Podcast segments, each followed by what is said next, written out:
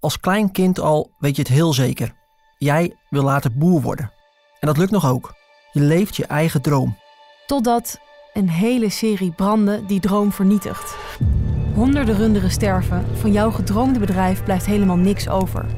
En tot overmaat van ramp denken steeds meer mensen dat jij de branden hebt gesticht. Zelfs de politie gaat uit van jou als enige mogelijke brandstichter. Was je zelf echt betrokken bij het vuur? Of draait alles om iemand die dichtbij je staat? Dicht op het vuur is vanaf 24 maart te beluisteren via ad.nl en je favoriete podcast-app.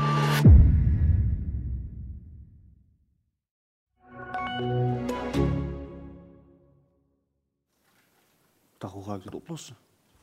Ik wist dat ik een hele grote fout had gemaakt, maar ik besefte het op de, het besef was er nog niet op dat moment, zeg maar. Van shit. Dat was toch het moment dat u iets had kunnen doen, hè? Precies. Maar als, ik daar, als dat was gebeurd en ik was gelijk stilgestaan, gestopt, was waarschijnlijk niet zo ver gekomen.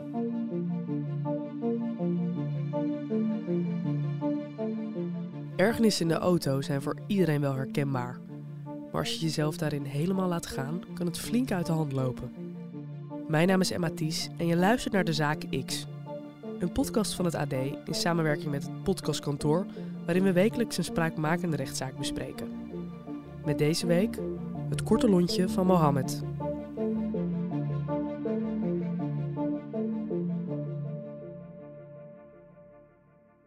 De zaak van deze week gaat over de 25-jarige Mohammed. In november 2021 komt hij in een verhitte verkeerssituatie terecht op de drukke Haagse markt. De verkeerslichten zijn die dag buiten werking gesteld vanwege werkzaamheden. Er zijn daarom verkeersregelaars ingezet en het verkeer stroopt op. Ook Mohammed komt met zijn donkere Seat Leon tot stilstand en raakt geïrriteerd. Op een gegeven moment bedenkt hij al, ik ga hier omheen. Dus hij gaat al spookrijdend, gaat hij om de auto's heen rijden. Wordt dan wel tegengehouden door een verkeersregelaar, maar denken, tabé, ik rijd door. Je hoort verslaggever Jorina Haspels van AD Haagse Courant die de zaak volgt. En toen kwam hij bij een volgende verkeersregelaar met weer een kruispunt en weer drukke auto's. En eh, via de portofoon hebben die verkeersregelaars elkaar al gewaarschuwd. En ehm, dan ehm, buigt dus die man, die, die, die tweede verkeersregelaar, die buigt met zijn hoofd in het raampje van die man. En daar ontstaat een discussie. En hoe die discussie is verlopen, dat is niet helemaal, helemaal duidelijk. In elk geval, het was niet een heel vriendelijk gesprekje. Mohammed heeft al meerdere verkeersboetes op zijn naam staan. Maar dit is voor hem de eerste keer dat hij in de rechtszaal moet verschijnen. Hier geeft hij netjes antwoord op alle vragen van de rechter. Ook wil hij zelf graag zijn kant van het verhaal delen. Mohammed legt uit hoe hij het gesprek met de verkeersregelaar heeft ervaren. Op dat moment komt hij naar mijn auto toe, steekt zijn hoofd in mijn raam. En begint hij te uh, schelden dat ik uh, een mogol ben, dat ik uh, hem dood wil rijden. Dat ik een idioot, gek ben en al die dingen, weet je. Uiteindelijk, ik ben er niet echt op die scheldwoord ingegaan, weet je. Ik heb meer gezegd van, ga weg van mij. Ik ben gestopt, ik rij nergens naartoe, ik ga niet weg, ga gewoon weg, weet je. Ik zeg, ga gewoon uit die auto. Ik zeg, het is niet, jouw, het is niet jouw probleem. Ga gewoon weg van hier, zei ik tegen hem. Dus die Mohammed die riep eigenlijk van, ik werd een beetje geïntimideerd. Ik daar. werd geïntimideerd. Dat, is een beetje, dat was zijn gevoel van de, van de situatie. En daar kan je natuurlijk ook wel iets bij voorstellen als een man met je hoofd in, um, in, in je autoraam komt hangen. Als er drukte is op straat, dan kan je wel voorstellen dat je op dat moment bedreigd voelt in de situatie. Ja, het is midden in de Haagse markt, dus het is, het is best druk. Er zijn echt heel veel mensen omheen. Dus kijk om mij, ik zie iedereen beginnen mij te kijken. Iedereen denkt van, wat gebeurt hier? Zoveel sensatie, commotie, gewoon daar zo. En ik had toen op dat moment in mijn hoofd gekregen van... Hey, ik wil wegrijden van hier, weet je. Ik heb geen zin dat al deze mensen naar me kijken, dat iedereen ermee gaat bemoeien. Ik wil weg van hier, ik moet weg van hier. Zo kwam dan op dat moment in Op een gegeven moment loopt die verkeersregelaar weer weg. En uh, we hebben camerabeelden gezien in die rechtszaak. En dan zie je ook dat hij gewoon heel mooi om die auto heen loopt. En dan wil zo naar de stoep gaan. En op het moment is dat hij in het midden van die auto staat, echt voor de motorkap. Er zit misschien nou, 30 centimeter tussen of zo. Dan zie je hem op die camerabeelden, zie je die verkeersregelaar omdraaien. En dat lijkt erop, omdat op dat moment uh, die Mohammed uh, zijn gaspedaal al heel diep indrukt.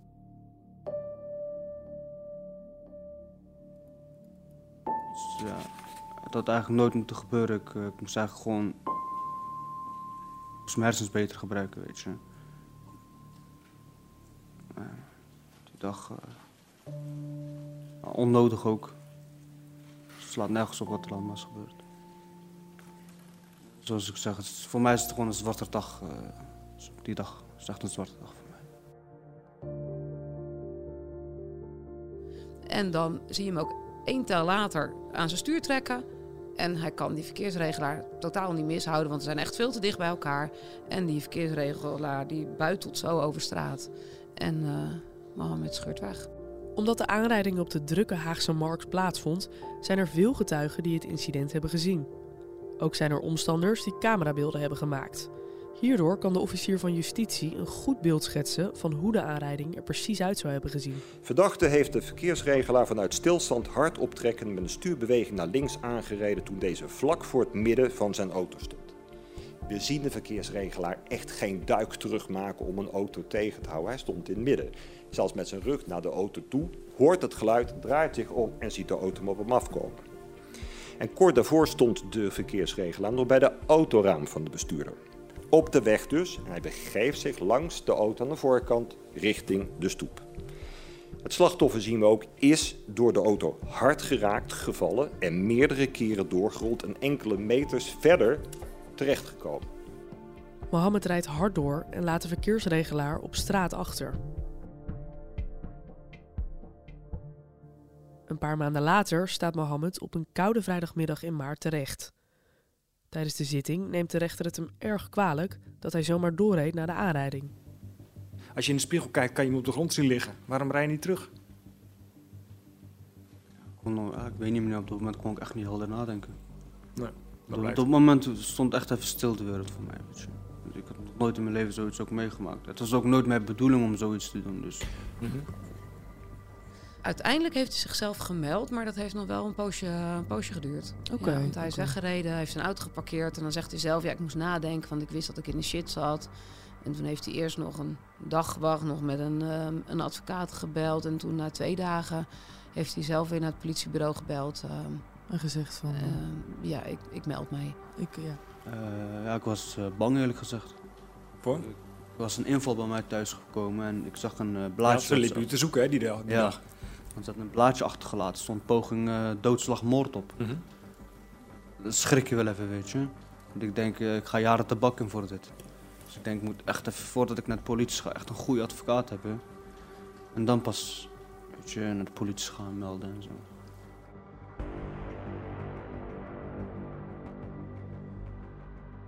Jurina, kun je eens, eens, eens vertellen, je hebt het over eh, Mohammed, dat is een, eh, een relatief jonge jongen, hè? Wa- Wat weten we van hem? Ehm, het is een jongen die er een beetje zo snel uitziet. En met een eh, beetje North Face ehm, bodywarmertje aan. En een capuchon eronder met weer een hoodie van, eh, nou, nog weer van een bekend merk. Eh, helemaal strak, strak gestyled. Zijn auto was een, een zwarte Seat Leon. Die was getuned. Die had een, een uitlaat of op welke manier die getuned was. Dat hij extra veel herrie maakte. Het is gewoon een beetje zo'n bink. Even iets anders. Ehm, belangrijk om te bespreken. Dat is het letsel van meneer En eigenlijk, als ik het eh, even samenvat, wat, wat er in het dossier zit... dan zijn dat eh, een aantal verklaringen van hemzelf over hoe hij zich voelde. De rechter leest zelf de verklaringen van de verkeersregelaar voor tijdens de rechtszaak. We noemen de naam van het slachtoffer niet in deze podcast. Het gaat om een freelance verkeersregelaar, wat betekent dat hij zichzelf verhuurt om het verkeer te regelen voor verschillende opdrachtgevers. Als hij niet kan werken, is er dus geen werkgever die hem doorbetaalt en zit hij zonder inkomen. De verkeersregelaar is niet aanwezig tijdens de zitting en heeft geen advocaat in de arm genomen. De rechtbank zal de zaak dus moeten behandelen met enkel zijn dossier. In het formulier staat dat hij eh, door het eh, ongeluk eh, pijn in zijn nek heeft eh, overgehouden. Zijn schouder, zijn rug en zijn ribben. En hij is natuurlijk heel erg geschrokken door wat er gebeurd is. Ehm, dat hij de hele dag thuis moest zitten, was, dat hielp daar ook niet echt bij. En daarom zegt hij dat hij psychisch is beschadigd, dat hij slecht slaapt en eh, zich eh, ook wel depressief voelt. Ehm, ja, als ik dat even vergelijk met de beelden die we net hebben gezien, dan eh, mag meneer eigenlijk nog wel van geluk spreken, denk ik, dat het hierbij is gebleven. Want als u hem anders had geraakt, of harder had geraakt, of wat dan ook, dan had het wel anders kunnen aflopen. En als u dit nou zo hoort, wat denkt u dan? Is erg vervelend, man. Dus ik vind sowieso, ik heb sowieso spijt dat ik die man heel deze situatie, deze traject heb door laten lopen. Mhm. Eh, hij verdient het sowieso niet dat zoiets bij hem zou gebeuren, weet je. Ook al maakt niet uit wat daarvoor is gebeurd. Dus er is geen reden om zoiets uit te halen, zeg maar. Eh, ik, vind, ik vind het niet normaal eigenlijk. Nee, ja, ook al heb ik het zelf gedaan, is het niet normaal wat er is gebeurd. Ja, deze slachtoffer eiste echt een hele hoge schadevergoeding. Uh, volgens mij was het, uh, het was iets van 56.000 euro. Waarvan 40.000 euro was omdat hij een half jaar lang uh, geen inkomsten zou hebben gehad. haalt het alleen helemaal niet onderbouwd. Waarschijnlijk heeft hij dit gewoon een keer ingevuld om zich wellicht te melden als benadeelde partij, zoals het heet, als slachtoffer. Um, hij heeft daarna ook geen advocaat in de arm genomen om te laten zien: ehm, dit, dit was mijn schade, dit heb ik gedaan. En um, daarom zei de officier van justitie ook tegen de rechter: Nou, ik zou dat ook niet allemaal ontvankelijk verklaren zoals officieel heet. Maar 2500 euro lijkt mij wel een heel redelijk bedrag.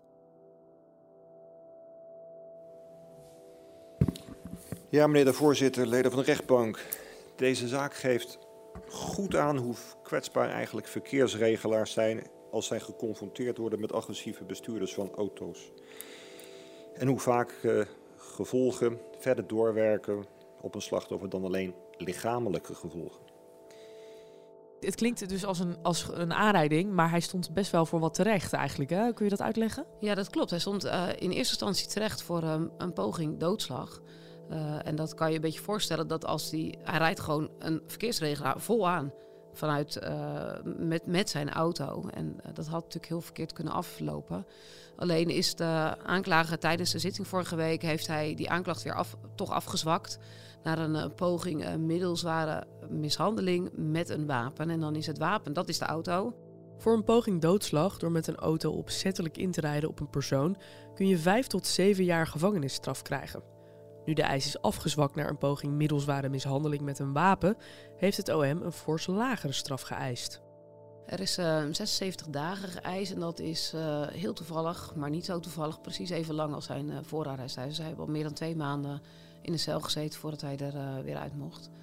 Ja, je zegt de eis is net zo lang als het voorarrest. Waar komt dat dan eventjes in de praktijk op neer? Mocht de rechter daar meegaan? Als de rechter hier meegaat, dan is hij hierna de uitspraak weer een vrij man. Dan ja. is hij gewoon, heeft dus een straf al uitgezeten in de tijd dat hij in voorarrest zat. Hey, uh, die stoere auto waar je het net over had, hè? Heeft, uh, heeft Mohammed die nog steeds? De auto heeft hij nog steeds, maar staat wel te koop. Ja, want de agressieve bak van hem uh, brengt hem alleen maar in de problemen. Zei, zei, zei hij dat zelf zo?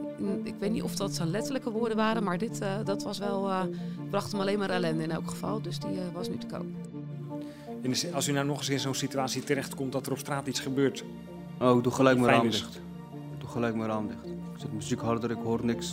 Kijk naar voren. Nee, ik ga niet meer zeg maar uh, erop in.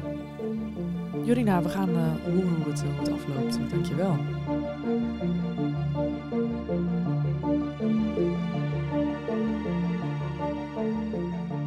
De Zaak X is een wekelijkse podcast van het AD en deze aflevering werd gepresenteerd door mij, Aan deze podcast hebben meegewerkt David Achter de Molen van het podcastkantoor, Sanne Beijer, Rick Bolt, Lotte van der Velde, Joost de Kleuver en Thomas Brouwer. Ben je benieuwd naar de uitspraak in deze zaak? Zodra deze bekend is, vind je die op ad.nl slash dezaakx. Vond je dit een goed verhaal? Laat dan vooral even een review achter, zodat we beter vindbaar worden voor nieuwe luisteraars. En wil je ook de volgende aflevering niet missen? Abonneer je dan op dit kanaal.